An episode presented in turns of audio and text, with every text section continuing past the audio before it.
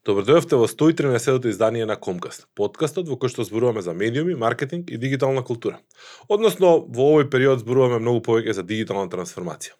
Денес имаме одличен гостин. Зборуваме со Ивана Дојчиновска, човек кој што изминативе 15 на ако не и повеќе години, се обидува да излезе на крај со луѓето во различни работни организацијски системи. Добро, малце звучеше претерано ова, не се обидува да излезе на крај, туку се обидува да работи на нивниот кариерен пат, се обидува да, работи, да им помогне на организациите да ги организираат вработените внатре и да излечат нели максимум од а, она што треба тие да го направат. Дискутираме за можеби најважната работа во рамките на дигиталната трансформација, а тоа е промената на луѓето. Останете со нас. Следуваат некои 50 на минути одличен разговор кој што на крај завршуваат со нов тизер, односно препорака за гледање на една од предходните епизоди. И оваа епизода како и сите изминати посветена на дигиталната трансформација ја работиме во партнерство со А1 Македонија, компанијата чија мрежа овој пат и според мерењата на Окла е најбрзата на територијата на Република Македонија. Останете со нас.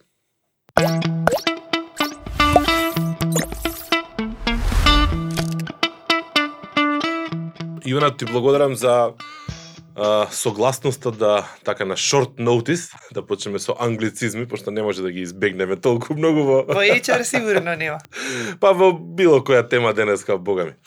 А, да се, се согласе да дадеш да разговараме за една од веројатно според мене, а со тебе според тебе сигурно знам најважните теми кога зборуваме за дигитална трансформација. Не може а да не потенцираме во секое спомнување на дигитална трансформација дека всушност трансформацијата е најважниот дел кога се случува внатре помеѓу луѓето. Значи во самата организација, во текот на а, комуникацијските односи внатре, во текот на односот на луѓето, во визијата на, на самата на самата компанија. Ти си човек кој што работи во а, такозвано кадрово, односно HR. Колку рековме 15 на години?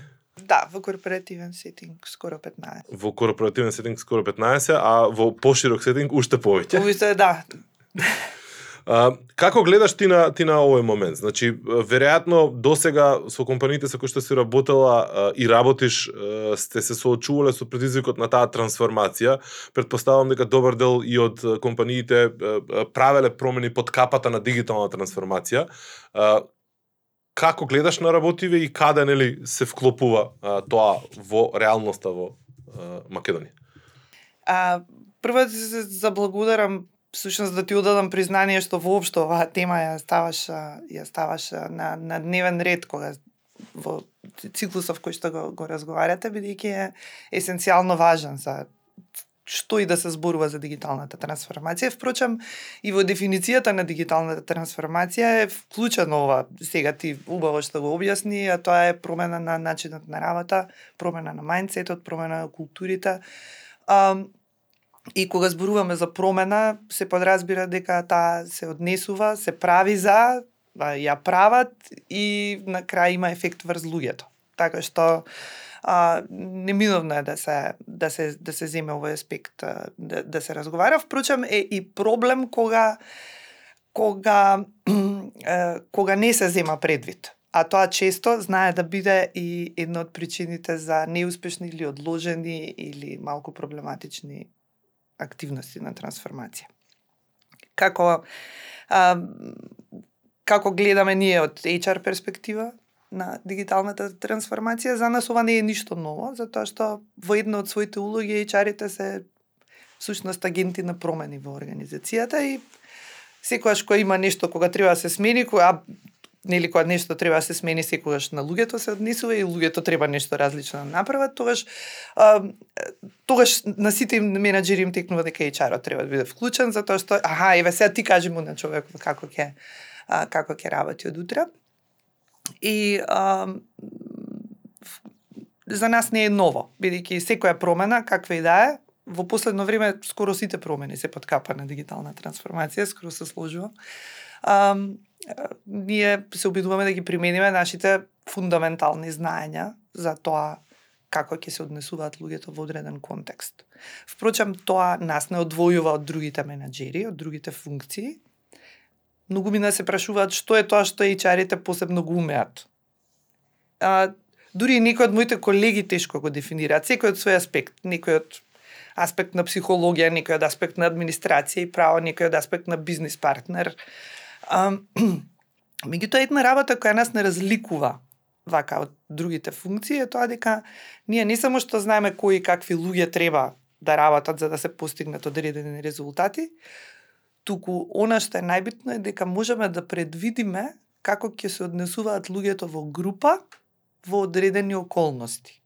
Статус кво или кога ќе се променат. Mm -hmm. И заради тоа улогата на HR-от, односно на HR-овскиот пристап во введувањето промени е многу важен.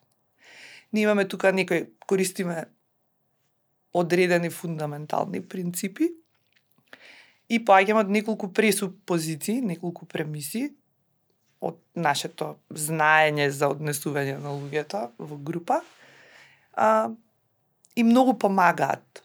Mm -hmm. Кои многу можат многу да го олеснат овој процес за какви промени конкретно станува збор? Ајде, може ли некако да го отсликаме, да го пошто многу често луѓето и кои се вработени не се несвесни дека се случуваат работи, не се несвесни зошто овој потек сега HR му текнало да го направи. Ај глупости прават они се, не измислуваат нешто.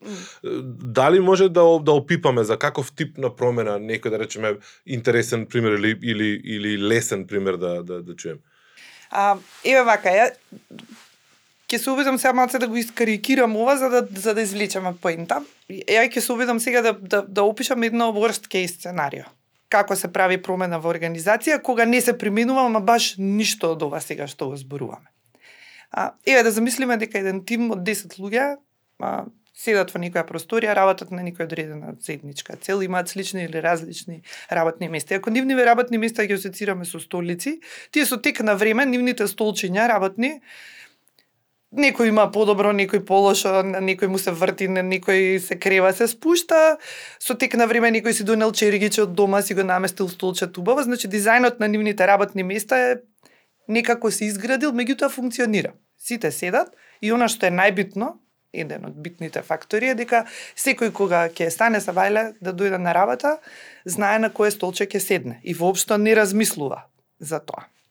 И се одеднаш влегува некој таму од некој друг тим, некој менаџер и вика и дечки слушај супер ни вие што седавте да се нови столчиња, ама ние знаеме дека има подобри столчиња на кои може да се седи, има вака дигитал на, на, на копче се дигаат се спуштаат и тоа многу ќе ви олесни работата, сите ќе седите поудобно. Ама за да ги донесеме тие столчиња ќе треба да ги фрлиме овие старите. Практично, кога се најавува проектот било каков проект или процес, бидејќи трансформацијава сама по себе не е, не е завршен процес, нели таа е continuous не можам да кажам дека е проект што и да е некаква иницијатива. А, обично тоа така изгледа. Е, од утре ние знаеме дека за вас нешто може да биде подобро, ќе го издизајнираме таму во некој тим, евентуално ќе викнеме еден од вас да ни каже како се столчињава, како седите, ама а може да и нема да викнеме некој од вас туку ние ќе смислиме какви столчиња ви требаат. И има уште еден кетч многу важен. А, ќе ги донесеме за два месеци, паралелно ќе седите еден месец на две столчиња. И уште најважно на крај, а, вие сте 10, а ние ќе донесеме 7 столчиња. Обично тоа е некоја последица на дигитална трансформација. Е сега, ако се ставиме на во чевлите на овие што седат на столчињава, од таа перспектива треба да ја разбираме, да, да, да се обидаме да ја разбереме. Тоа што се случува во главите на луѓето кога, кога се прават промени, особено кога се прават така пофундаментални промени. Промената секогаш се рефлектира на начинот на кој што некој работи. Една од HR премисите дека луѓето тендираат да го прават она што најдобро го знаат. И се тоа така звучи безазлено, ама секоја промена на рутината во која повеќето од нив и до степен на мајсторство стигнале, и рутината тоа носи, а, сигурно се држи за сламката на мајсторството на работа. Тоа е неговата компетитивна предност, тоа е стабилноста и се. И се ти одеднаш му велиш, слушај, од утре ова твое мајсторство не ни треба веќе, затоа што тоа ќе го прави ова ова некој виртуелно робот. Некој си, робот или софтвер или што и да е. И ти ќе мора да најдеш друго мајсторство за себе. што од аспект на личен развој е супер. Меѓутоа тука доаѓаме до втората битна премиса, а тоа е дека ние сите без исклучок луѓето сме природно отпор не може би силен збор, ама природно имаме некаков отпор кон промена. Стварна свеста кој колку ќе се натера себе си да ја прифати побрзо или или поспора. И кога го знаеме тоа, полесно ни е да разбереме што грешиме евентуално, се во worst case сценарио кажам, веројатно тоа никаде во ваква форма не се случува, ама што грешиме кога се обидуваме луѓето да ги натераме да ја прифатат и да ја поддржат промената, за да не дојдеме до ситуација, еве, ние толку инвестиравме, сега изнакупивме, колку се изнамачивме, баравме вендори, тестиравме, правевме и замисли вака луѓева, они да не прифатат, па ја не можам да разберам зошто е тоа така. Значи дека ако успеам добро да пофатам, лошото сценарио и лошиот тип на управување со луѓе со промени е кога ти им ја наметнуваш промената. Ако во ситуација кога менеджментот доаѓа или кој да е и вика сега ние ќе ве натераме или ќе ви наметнеме промена. А, не работиш континуирано да луѓето сами ја почувствуваат, ја побараат и нели ја посакаат или до, се доведат себе си и својот тим до таа некоја променета променета ситуација. А, дали тука веројатно е клучен момент на таа така наречена компаниска или организацијска култура. Во смисол на тоа дека таа е таа нишка за која што сите ние често знаеме да се фатиме и да се фалиме. Леле, кај нас е многу кул, cool, петок идеме, правиме коктели, не знам, готвиме заедно, супер е енергијата и така натаму. тоа во суштина развојот на компанијата и колку секој од дел секој од вработените внатре има удел во развојот на компанијата, колку има контрола на својот развоен пат внатре, во, за мене тоа представува таа организацијска култура. Дали е врзното ткиво кој што треба да ја направи оваа промена добро, баш таа култура и негување на таа култура и како тоа се случува? Апсолутно. Меѓутоа сосема си во право. Културата е само репрезент на она што се случува внатре во организацијата. Меѓутоа културата не се гради само од себе, таа е последица на некои основни структурни поставки на организацијата. Културата е длабоко вкоренета во системите, во процесите, во начините на во, во, во стручните процеси кои течат. Значи, не само во HR процесите, како управуваме со луѓе, туку во сите начини на работа е вкоренета.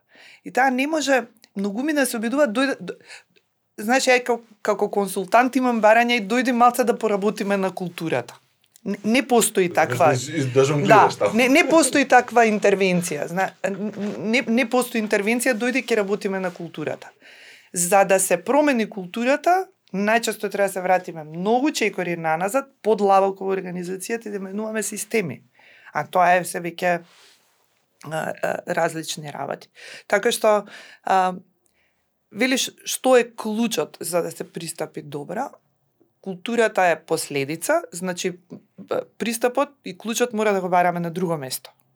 Културата сама ќе рефлектира ако ние сме направиле нешто поинаку. А, клучот е во посветувањето време, прво осознавањето, прифаќањето на тоа дека на луѓето им треба време, енергија и енергија да се да, да, го, да го прифатат новото. Сме се изнагледале еден тон проекти, прекрасни концепти, така убаво сложени. Чикор по чикор, секоја ставка во проектчето, па и у софтвери за таск менеджмент, лепо напишано како дигиталната трансформација, некоја иницијатива ќе се спроведе, до точка кој со кој на кој состанок на кој ќе, ќе отиде. И сето тоа е во време, во часови измерено, а нема ниту еден час посветено за тоа како колку време ќе ни одземе ова од аспект на тоа луѓето да го прифатат. Бидејќи ако треба вака накратко еден рецепт да дадам за тоа а што недостасува во тие процеси, зборување. На секој човек треба да се посвети време и енергија. Вие можете од можеш од, од било кој човек да направиш uh, change champion, Зависи, кажи ми само колку време и енергија ќе ми дозволиш да му посветам или ќе му посветиш ти. Кои се тие шампиони у градење на таа култура? Дали може да се да, дали во теорија и во пракса најчесто се лоцираат луѓе клучни во рамките на компанијата кои што би требало да бидат носители на таа промена, би требало да бидат да речеме основоположници на таа култура на на на, на однесување на вредности и така натаму. Сум видела и, и ситуации каде што тие агентите на промена, носителите на промена се доаѓаат од сите редови, од независно од каде во организацијата, но во најголемиот број случаи тоа се некакви менаџерски позиции. И тука се враќаме пак на мојата поента. Замисли колку време му треба на менеджментот а, читање, убедување, разговор со вендори, биле на милион презентации, додека некој ги убедил дека одредено решение, дигитално, е подобро за нивниот бизнис. И секогаш кога вендорите им презентираат најчесто на донесувачите на одлуки, читај менеджментот у функционални хиерархии, тие реферираат на нивната лична потреба од бизнисот. А тоа е а, подобар репортинг, полесно донесување одлуки, подобра контрола на процесите, значи ги атакуваат на нивните лични потреби, на, на менеджментот. Што повисоко, тоа по структурирано одат тие муавети. Значи, дури на менеджментот му треба многу часови, денови, месеци, читање, убедување, разговори, бомбардирани се со информации, размени, конференции и така натаму, додека прифатат дека некоја промена е потребна и дека ќе биде подобра за нив. Ама кога ќе дојдат внатре во организацијата да имплементираат, не трошат исто толку време и на другите тоа да го пренесат. Е сега, зависи во некоја организација има луѓе кои природно се заинтересирани или се по својата природа сакаат повеќе читаат и така натаму и тие веројатно ќе ќе произлезат сами ќе се појават као чен чемпионс ако некој знае да ги препознае, често ги има може и да не се препознаат, да никој не му врне внимание. И тогаш доаѓаме до она до оној момент и менеджментот сега знае, они се као на повисоко ниво на свест за тоа што го ги поминале овие часови на убедување, а другите као не знаат. И тука се јавува тој некаков непотребен антагонизам. Значи, времето на исто толку енергија колку што на менаџерот или на тој некој од IT што му треба да се убеди себе си дека ова решение е добро, подеднакво толку време му треба на било кој друг вработен да прифати. Тоа време мора да го пишуваме во плановите, во проектите, да го присметуваме во пари, во часови, во енергија, во која и да ни е валутата на перформанс. Постојат компании, па веројатно поголем дел од нив барем за кој што јас сум дознал се во доменот на, на IT, кои што вработуваат луѓе благо речено забавувачи кои што имаат улогата на, на, на работа да бидат забавувачи. Не знам се да не кажам некој по навредувачки збор, ама дали е тоа логичен добар пристап? Дали е тоа оправдан пристап? Ја не знам ни дали тие луѓе се дел од HR тим, дали се дел од некој тим или едноставно нивната задача е да смислуваат забавни работи кои што ќе ќе работат на атмосферата во во одредена компанија. Дали тој дел е директно во да речеме допир со градењето на на културата на една компанија? А, па е, а, меѓутоа како не, како последица на културата. а, ако ако во една компанија постои култура во која се негуваат такви некои ритуали на сплутување, тие ќе се случуваат неминовно. Не треба никој да ги организира. Јас имам прилично ригиден став по а, се обидувам да најдам меки зборови за да го изразам мојот став. А, за тоа како се гледа во одредени контексти во некои индустрии а, на, на, на, на HR-от. Мислам дека дека таквите а, а, таквите активности кои, кои ти ги опиша како ентертейнмент, како не, не, нешто забавно, значи активности на не знам на условно земено ги викаат team building, не е ни тоа, не знам. А, во смисла на правење огромни кујни за готвење и купување играчки, lazy bags и правење многу ексцесивни во работно време забавни активности. Кога е тоа во работно време или еднаш и на, од, на одреден период е окей, прифат и апсолутно препорачливо, меѓутоа некои работни контексти, е сме виделе примери и од IT индустрија и кај нас и надвор, кога тие стануваат повеќе место за забава, па by the way нешто и ќе сработиме. Um, мислам дека таквиот пристап го ја девалвира нашава професија и а, не за, за, затоа што комплетно нема никаква никаква логика да се прави тоа. Луѓето не доаѓаат на работа за да јадат, ниту за да седат на лейзибек ниту за да играат на Xbox. Никој не бира кариера заради тоа. А, луѓето бираат кариера и за привлекување, и за задржување на вработените, есенцијално важни се структурите, системите, природата на работата, обкружувањето, индивидуалниот пристап, давањето можност за кариера, за раст, за развој, да не редам сега што се, да не заборавиме дека луѓето бираат кариера или уживаат во својата кариера и напредуваат заради некои сосема други работи.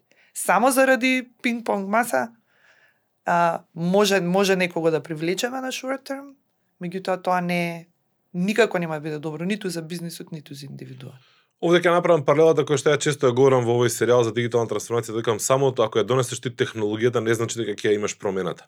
Значи не значи дека ти се трансформирал ако си купил повеќе компјутери или си направил автоматизација на некаков процес внатре. И тоа е тоа, ако е ти ја имаш масата за пинг-понг, тоа не значи дека луѓето ќе играат на таа маса прво. Второ, не значи дека ќе го постигнеш ефектот кој што ти би сакал да се постигне со фактот дека тие ќе играат на таа на таа Да, после имаме имаме имаме имаме а, ситуации кога мора некој менаџер да дојде да поигра малце пинг-понг за да дојдат и другите. Добро. се обидувам да се сетам на ситуација. Е, има, има веројатно најнапред во приказкава се IT компаниите тука, значи и локално, па верувам и, и глобално, затоа што конкуренцијата е прилично прилично сериозна и голема. Тоа ни оддалеку не значи дека треба да ги ставиме во подредена позиција сите други компании од другите индустрии. Значи тие еднакво, ако не и можеби веројатно и многу повеќе се соочуваат со пожестоки промени, пошто во теорија ако работиш со технологија, ако работиш со со таква нека динамична средина, ти си навикнат дека цело време имаш промени некакви. Значи ако ти си програмирал во еден јазик пред 15 години, денеска ни оддалеку можеш не само што немаш да размислуваш на тоа ниво, туку немаш да куцаш како некој што е 10 години помлад од тебе. А, и логично да станеш менаџер и така и така натаму. А, меѓутоа што се случува во во останатите компании, каде што а, дигитализација значи она радикална промена. Значи имате има ситуации во кои што луѓе не ни очекувале. А, ти на почетокот кажа еден муабет кој што нели он ти си мајстор во нешто, знаеш да го правиш добро, ама веќе дискутиравме дека дигиталната трансформација всушност се обидува да ги најде тие моменти каде што имаш репетитивна еднолична работа, да ги земе тие од луѓето, да ги автоматизира во процеси кои што се помогнати со дигитални алатки и да му даде шанса на човекот да работи нешто друго. А јас ти, ти викаш нели сакаме ние да се научиме нешто и да се држиме за тоа. Мојата паралелна а, аргументација на тоа ниво е во суштина ние сакаме да имаме по линија на помал отпор. Значи многу често и вработените идат си наоѓаат линија на помал отпор, знаат дека ова си го терат, никој не ги чепка тука и си продолжуваат да си да си го тераат тоа така без разлика што може би знаат дека може подобро, треба подобро и така и така натаму. Значи едноставно ова е окей, толку се за тие пари, толку за за кого го правиме и тоа е многу и некои такви други да речеме флоскули кои што се како објаснување. Така каде се каде се тие дискрепанци во во однесувањето, значи кај една или друга или друга индустрија, колку си ги посведочила тие? А, знаеш, мене понекогаш дури ме боли кога дигиталната трансформација и вака и јавно кога се зборува за низако воопшто, или кај во нашиот локален контекст еве се зборува, а, обично се држи како ексклузивно право на некои големи системи од одредени индустрии као да дигитална трансформација джа нам се случува само во телекоми, во банки, во финтек и IT. А таков печаток се добива.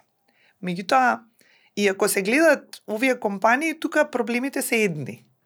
Тоа се обично поголеми системи, имаат моќ да ги издржат промените, да имаат кадар соодветен, најчесто луѓе соодветни кои знаат да ги водат промените и тука сега веќе про проблемите стануваат некакви финеси, ствара на пристап. Меѓутоа, не е ексклузивно право ниту потреба дигиталната трансформација на овие компании.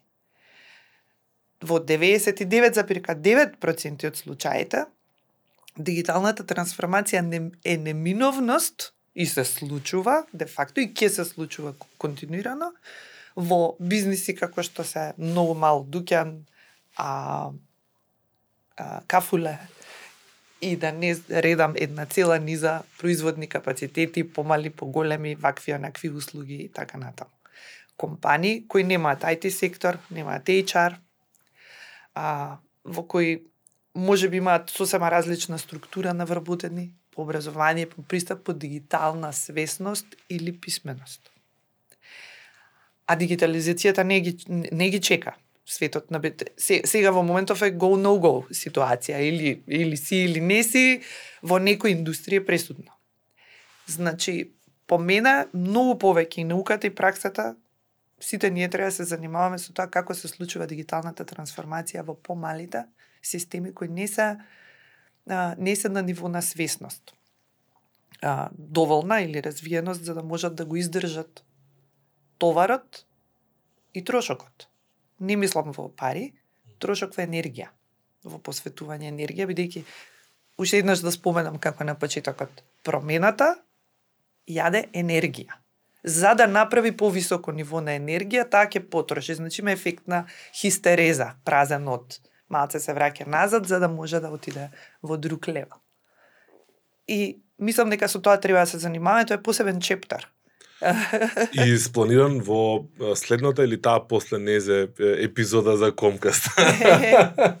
Буквално беше е, у планот кога го кога го правев за за темите, една од темите беше е, мали бизниси и е, особено под влијание сега на на пандемија, која што ни е следно прашање, и нивната трансформација. Значи тука се и образование, тука се и здравство, тука се и не знам фитнес индустрија, тука се еден куп други, не знам, храна и, и така натаму кој што јас сум јас сум поборник на тоа да се бараат решенија и да се бараат примери во помалите, затоа што помалите не влегуваат со како што го кажете некаков студиозен научен пристап, они во мод на преживување. Значи, да.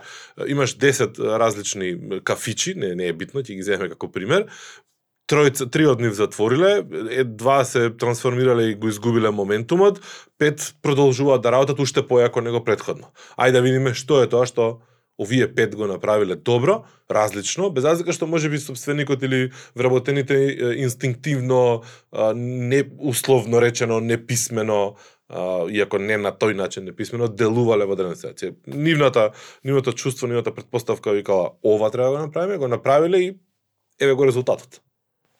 Освен, освен, а, освен нивните кор процеси, а, значи ако е продажба, како сме правеле продажбата, а, две други причини по мене можат да се бараат во успехот или неуспехот на било кој бизнис мал голем, особено мал.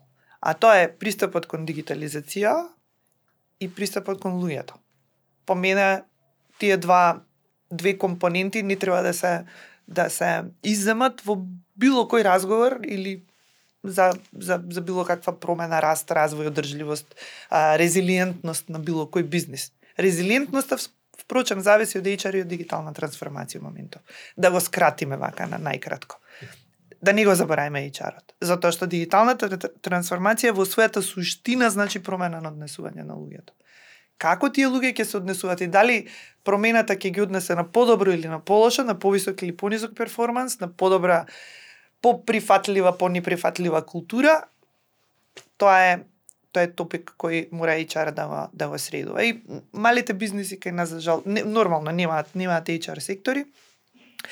А, ама не се ни многу навикнати да користат консултантски услуги, да прашаат, да, оти стално има некој што знае. Знаеш, а, ја, ја сега од кога работам консалтинг, а, имам прилика го откривам македонскиот бизнис локален и она моја кога ме прашуваат како ти е, прво што кажуваме, па Еве се среќавам со со компании кои се прекрасни, имаат супер јас сум некој многу голем поддржувач на локалниот бизнис, вака победување, сериозно. Тоа е моја мисија, сега работам со со со, со локални компании со задоволство. И гледам дека се судруваат со решливи проблеми. Значи, за нив камен на сопнување се некои решливи проблеми. Еве се од ја од HR перспектива, гледам веројатно и од други. Треба да се научат да си купуваат знаење. Баш кај што треба од внатре да учат тоа да не да не зборувам. Стигаме до моментот на продава, продажба на консултантски услуги. Го дискутиравме во, во еден наврат предходно. А, кај нас ние работиме исто доста доста со локални компании, локални бизнеси и се имаш тука различна структура, она семејно по- собствеништво и различно развиено и така натаму. Генералната перспектива, генералното искуство и перцепција е дека, нели, предприемачот знае се, ама нема време да го направи. Иначе многу добро знае он Да, што да, треба. да, главно предпримачот знае се. И кога не знае, знае, да, да, да, да. Само он у моментов нема време. Значи он ти го дава тебе тоа да го сработиш пошто он не може да се замара сега со тоа, пошто не може он се да постигне. да А така. не е дека се ти знаеш повеќе од него. Во, верувам ми во сите сектори е така, сме го јаделе поштено, тотално ви е јасно. Да, на, најпрво ти објаснуваш, воспоставуваш некаква процедура и после известно време, кога ќе се прифати, а, тој пристап, а, после они почнуваат тебе ти наоѓаат, а, за, али тоа е супер, ја, ја се радувам кога ќе дојдеме до тоа ниво. А, се уште сме, јас се надам дека еве е, утринска ова најавена војна во Украина ќе ја прекине пандемија и нема да биде топ тема, малку црн хумор. Се уште сме во во режим на пандемија, во однесување кое што веројатно трајно ќе ги промени односите а, на вработените внатре и су- суштината, су- структурата по која што ќе се организираат одредени компании. Голем дел од компаниите на глобално ниво, а веќе и локално, го гледаме тоа, одлучија дека работа од дома е нешто што ќе биде редовно достапно за за XY а, работни места и вработени во своите компании. А, се колку е нов различен е, и сериозен предизвик тој моментум. Значи кога порано е, дали ќе имал бил просторот украсен вака, дали ќе била ваква зградата, такво светло, е, позицијата на седење no glass, no, no door policy, open door policy, не знам, глас, бла бла бла зрачело за за за филозофијата на компанијата. Значи било олицетворение, просторот било олицетворение на е, филозофијата на компанијата. Колку денеска кога го неаме тој простор како мегдан да се искажеме колку ние веруваме во едно или друго, е, ги отежнува работите и каков предизвик носи во поглед на организирање е, и промена на луѓето од, од таа перспектива. И само уште малце да додам уште еден факт дека имаме ситуации во кои што има нови вработени во компании кои што никогаш не запознале физички ни еден свој колега. Да, е, многу ход топик. Еве, две години, ја мислам дека сите се занимаваме со темата работа од дома. Да не зборам за нас HR-еве, мислам тоа е хотлайн. А, Знаеш како, јас мислам дека тие најави на почетокот на пандемијата дека еве готово, се ова се сите ќе работиме дома, више никогаш нема да постојат канцеларии. Тоа беше една таква заблуда, бидејќи не се како ние добро знаеме дека промени не се случуваат така во групното однесување. Мислам, нема нема шанси сега дека ние одеднаш ќе направиме кат и сите дома ќе седат и од дома ќе работиме и сите компании виртуелни ќе станат. И бројките покажаа дека не е тоа така. Ќе видиме кои ќе бидат последиците, но ни отвори една нова димензија и многу бизниси кои што можат тоа да си го дозволат, начини на работа, пристапи, индустрии си дозволија да направат хибридни режими. Значи виртуелни компании од канцеларија до комплетно виртуелен тим видовме многу малце.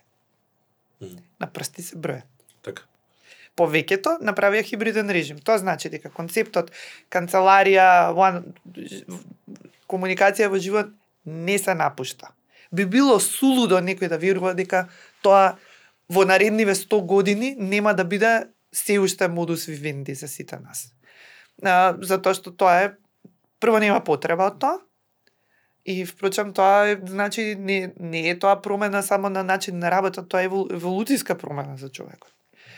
И сега малку поблаго треба да гледаме на тоа. Хибридниот режим е супер, ни отвори можност наместо 5 дена да идеме на работа да можеме да имаме bad hair day. Ама тоа не е ништо ново, ни во HR тоа го знаеме, у Google има bad hair day од не знам од пред и од други бизниси милион развиени. И плюс кога се зборува за ова работа од дома, прилично тесногледо повторно се земаат за пример индустрии кои што можат тој луксус да си го дозволат. Така. Ама светот не работи од IT. А, бизнисот се заснова на производство. Ш, мислам, как, как, како тоа замисливме ние од дома дека ќе се случува.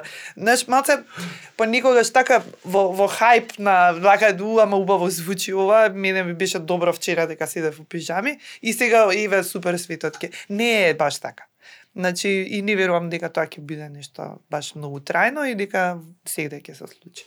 Добро, тука го имаме дополнително и фактот што да, можеш да имаш 2-3 дена дома кога сакаш, колку сакаш, меѓутоа дел од компаниите одлучија дека нема да имаат столчиња за сите. и дека ќе имаат Да, различни столчиња за секој, па кога ќе седеш денеска на работа, која маса ти е слободна на таа ќе седнеш, односно која столче ти е слободно на Тоа го знаеме на исто од пора. Тоа многу пред пандемијата го знаеме, има компании што тоа така го правеле со со со деперсонализиран workspace. И и сега тоа мо- може да работи, зависи е тоа се тие системи кои управуваат културата на компанијата.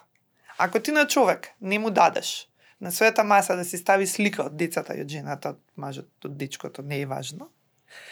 А, ти некаква порака му пренесуваш, какво однесување, каков однос имаш ти кон него, кон неговата индивидуалност и така натаму. Дали е тоа добро? Знаеш, секогаш кој ќе ме прашаат мене, што мислиш кој пристап е подобар? Ја главниот консултантски одговор им го дам, зависи. Зависи. да, да, да. Зависи. Може да е добро, зависи што сакаш да постигнеш со тоа. А во одредени контексти може да е погубно. Да буквално да биде екзистенцијален проблем за за организацијата. Културата ќе ја изеде организацијата, како што викаат нашите татковци, нели? Супер. Во неколку наврати низ целиот муабет спомнуваме нели кариерен пат, зборуваме, значи перс, зборуваме дека перспективата на вработењето е онаа која што треба да имаме цело време во во во глава. Значи не да гледаме само на топ менеджмент или на собственици, собственичка структура или HR пристап, само од, од нивна перспектива, а, туку да гледаме од страна на на на самиот вработен, на неки други не се вработени, ама ајде да речеме овој доминантниот дел на на вработени. А, што точно подразбери со кого најчесто се работи за дефинирање на тој кариерен пат? Значи, дали е тоа нешто што индивидуално се работи со вработените, дали е тоа што нешто компанијата треба да го има предвид и да да го во некои сегменти може би потикнува или потиснува за да нели го задржи, го не го изгуби или го чува вработениот во позиција во која што им одговара. Најсилен тренд и најголема трансформација во HR а, сферата во последниве години индивидуализацијата. Значи индивидуалниот пристап, бидејќи HR-от многу долго време се занимаваше на колективизирање, на стандардизирање структурирање на системите. Ајде да направиме систем кој ќе одговара на што повеќе мина за да можеме Меѓутоа, бизнисите природна и нашава нашава струка малце претера во тоа, па а, и тоа го гледаме низ талент менеджмент програмите. Тоа исто беше вау, како вајб, едно 10 години се возеат да сите на бран на талент менеджмент и талент менеджментот до таму стигна да а, главно почна да се занимава со калибрација на луѓе. И тука влеовме во опасна зона. Не се служуваат сите мои колеги со мене зова. А, од пошироко ја фаќам за да дојам до поентата. Значи, талент менеджментот у суштина почна да калибрира луѓе на начин да ги двои, а ти си талента, ти не си.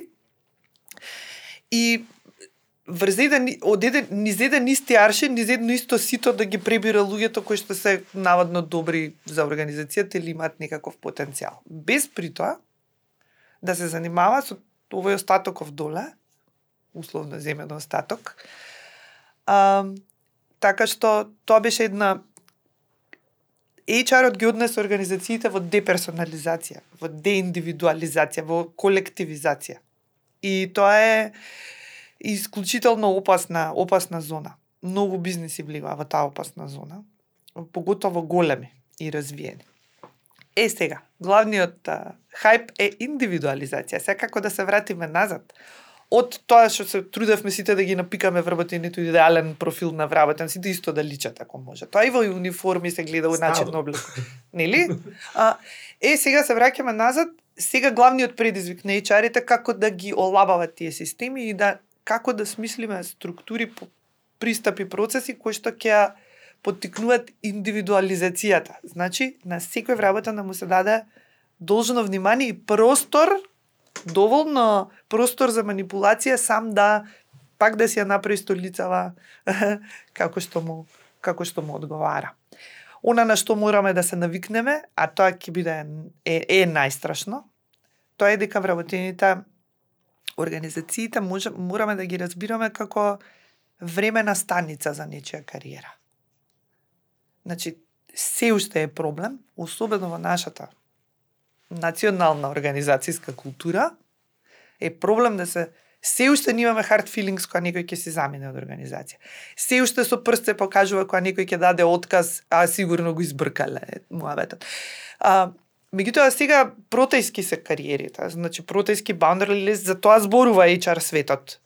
А, што значи протејска кариера? Јас мене во одредена фаза кариерниот пат не е ваков на еден човек, тој има вакви успони, падови, а, застранување и така натаму, низ личниот развој во одредена секвенца од мојот живот, мене ми одговара да бидам во ваков сетинг и да го осознам или да го работам ова. Се гледам себе си тука најкорисен, ќе најдам организација сетинг каде што тоа можам да го практикувам. За таа секвенца се спојуваме доколку и на организацијата тоа и треба со сознание дека кога ова на мене или на неа нема да ни треба, ќе го ќе се разделиме.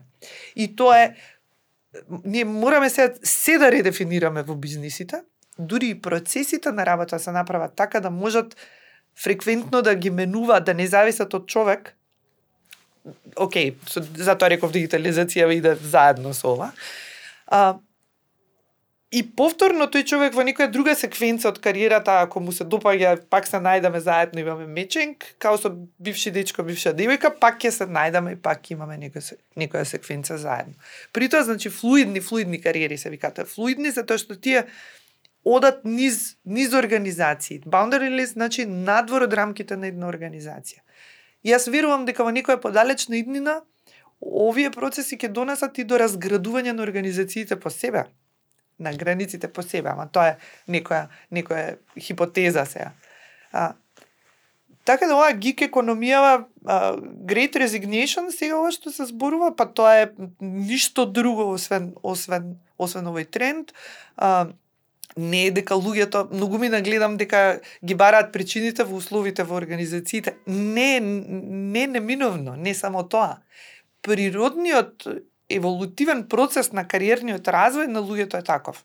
Да на луѓе наместо наместо да бидат несреќни они организациите на некое место, луѓето послободно носат одлука да можат да да патуваат флуидно низ собствениот живот и низ околностите. Така што Great Resignation не е само дека организациите не прават нешто како што треба. Некогаш е пул фактор. Значи, у задржување на вработен има пуши пул. Нешто го брка од внатре или нешто го влече од надвор. Овде голема причина е влечењето од надвор, а тоа е само свеста на луѓето сами да управуваат со својата кариера ги се вративме пак на мојот со столчињата и, и некако лајт мотив ќе ни биде на, на, на целава епизода. А, мене супер ми се ми се допаѓа примерот, пошто стварно е, онака во некои ситуации нели не е пинг-понг маса, него се некаков си столчиња као фактор за за за работа. Ги спомнавме негативните работи. Некако имам чувство дека за нијанса кога зборуваме за локалниот контекст сме по негативни. Дали можеме да извлечеме сега по примерот на столчињата и позитивна варијанта? Дали може да, да, да ја раскажеме добрата приказна, добрата страна? Како би требало да изгледа или некој на, на основ на некој пример како добро поминало некаде? Што не е се црно. Да, апсолутно, никако не е црно. Значи, сите овие процеси не се локална категорија, дека се кај нас ова вака се случува, у светот не знам како се случува. Мислам, видовме такви а, трагични флопови на огромни бизнеси по светов, што ние сме супер проаѓа да. наша економија. А, знаеш, ја се сепак имам потреба нели вака консултантски да да направам некој пресек што би можело да се направи ако неколку практични чекори. Тука сакам вака две реченици да објаснам еден процес фазите на учење. Тоа ништо ново, не е топла вода, многу ми го знаат.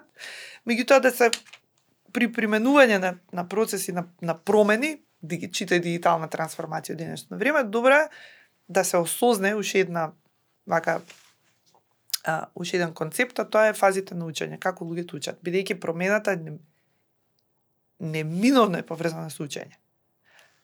Јас до сега на тоа го правам вака, утре морам да го правам поинаку, кога нешто правам поинаку морам да научам. А фул стоп. Значи, учењето е суштината. Организација која учи е тема одамна. На прсти се бројат организации кои може да се пофалат дека учат. На прсти се бројат и многу се ретки, било каде. За учењето би сакала фазите на учење, значи само да ги да ги предочам чисто како на ниво на свесност. Значи луѓето во четири фази учат.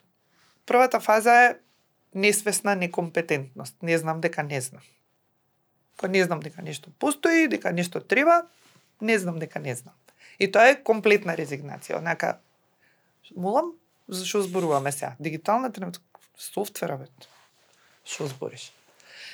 Втората фаза е ниво на свесност, свесна некомпетентност. Аха, гледам некој тоа подобро го прави, има бенефит од тоа, гледам дека постои, ама јас не знам да го правам. Тоа е свесна некомпетентност. Следната фаза е знам дека знам, кога ќе научам како тоа се прави, и има уште една фаза, не знам дека знам. Кога тоа кога многу сум го практикувал, станува рутина и ме носи во фаза на мајсторство. И сега,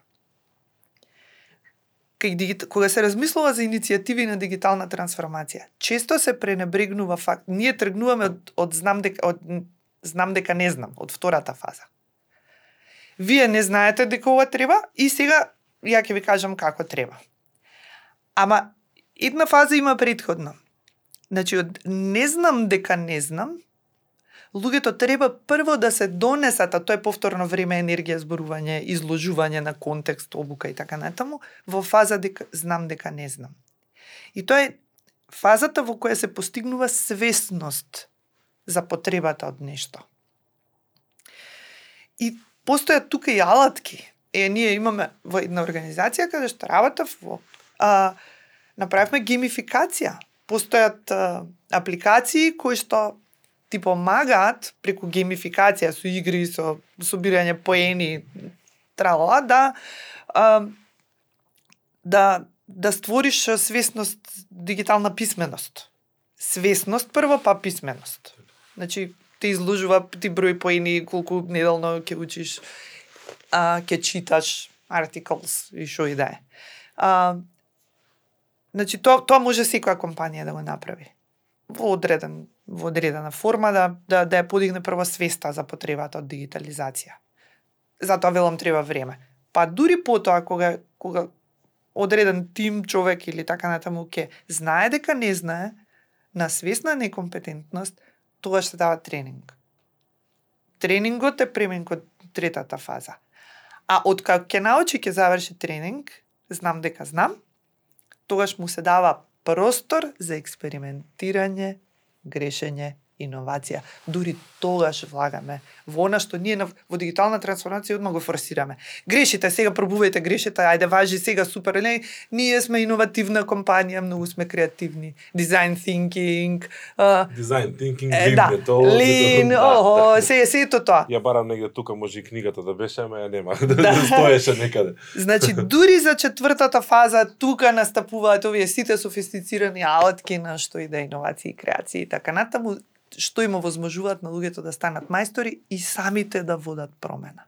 Значи, после тоа, оти кога е човек на тоа ниво, мајстор, по дефиниција е некој кој може да обучува други и некој кој прави а, кој го challenging статус кво на својата професија. Ако не го прави тоа, не е мајстор. И во оваа ситуација мене не ми остава ништо друго освен да кажам секој што стигна до овде да ја гледа епизодава, следна што треба да излезе ако не изгледа епизодата со Иван Скендер, која што совршено добро се надоврзува на на точката која што овде а, овде ја ја добравме. А, Ивана, ти благодарам екстремно многу, јас на вистина уживав а, во муабетот, особено затоа што мене овие теми ми се нака баш многу поинтересни и побитни, а, и ми се чини дека пома, а многу помалку внимание им се посветува кога дискутираме за за дигитална трансформација.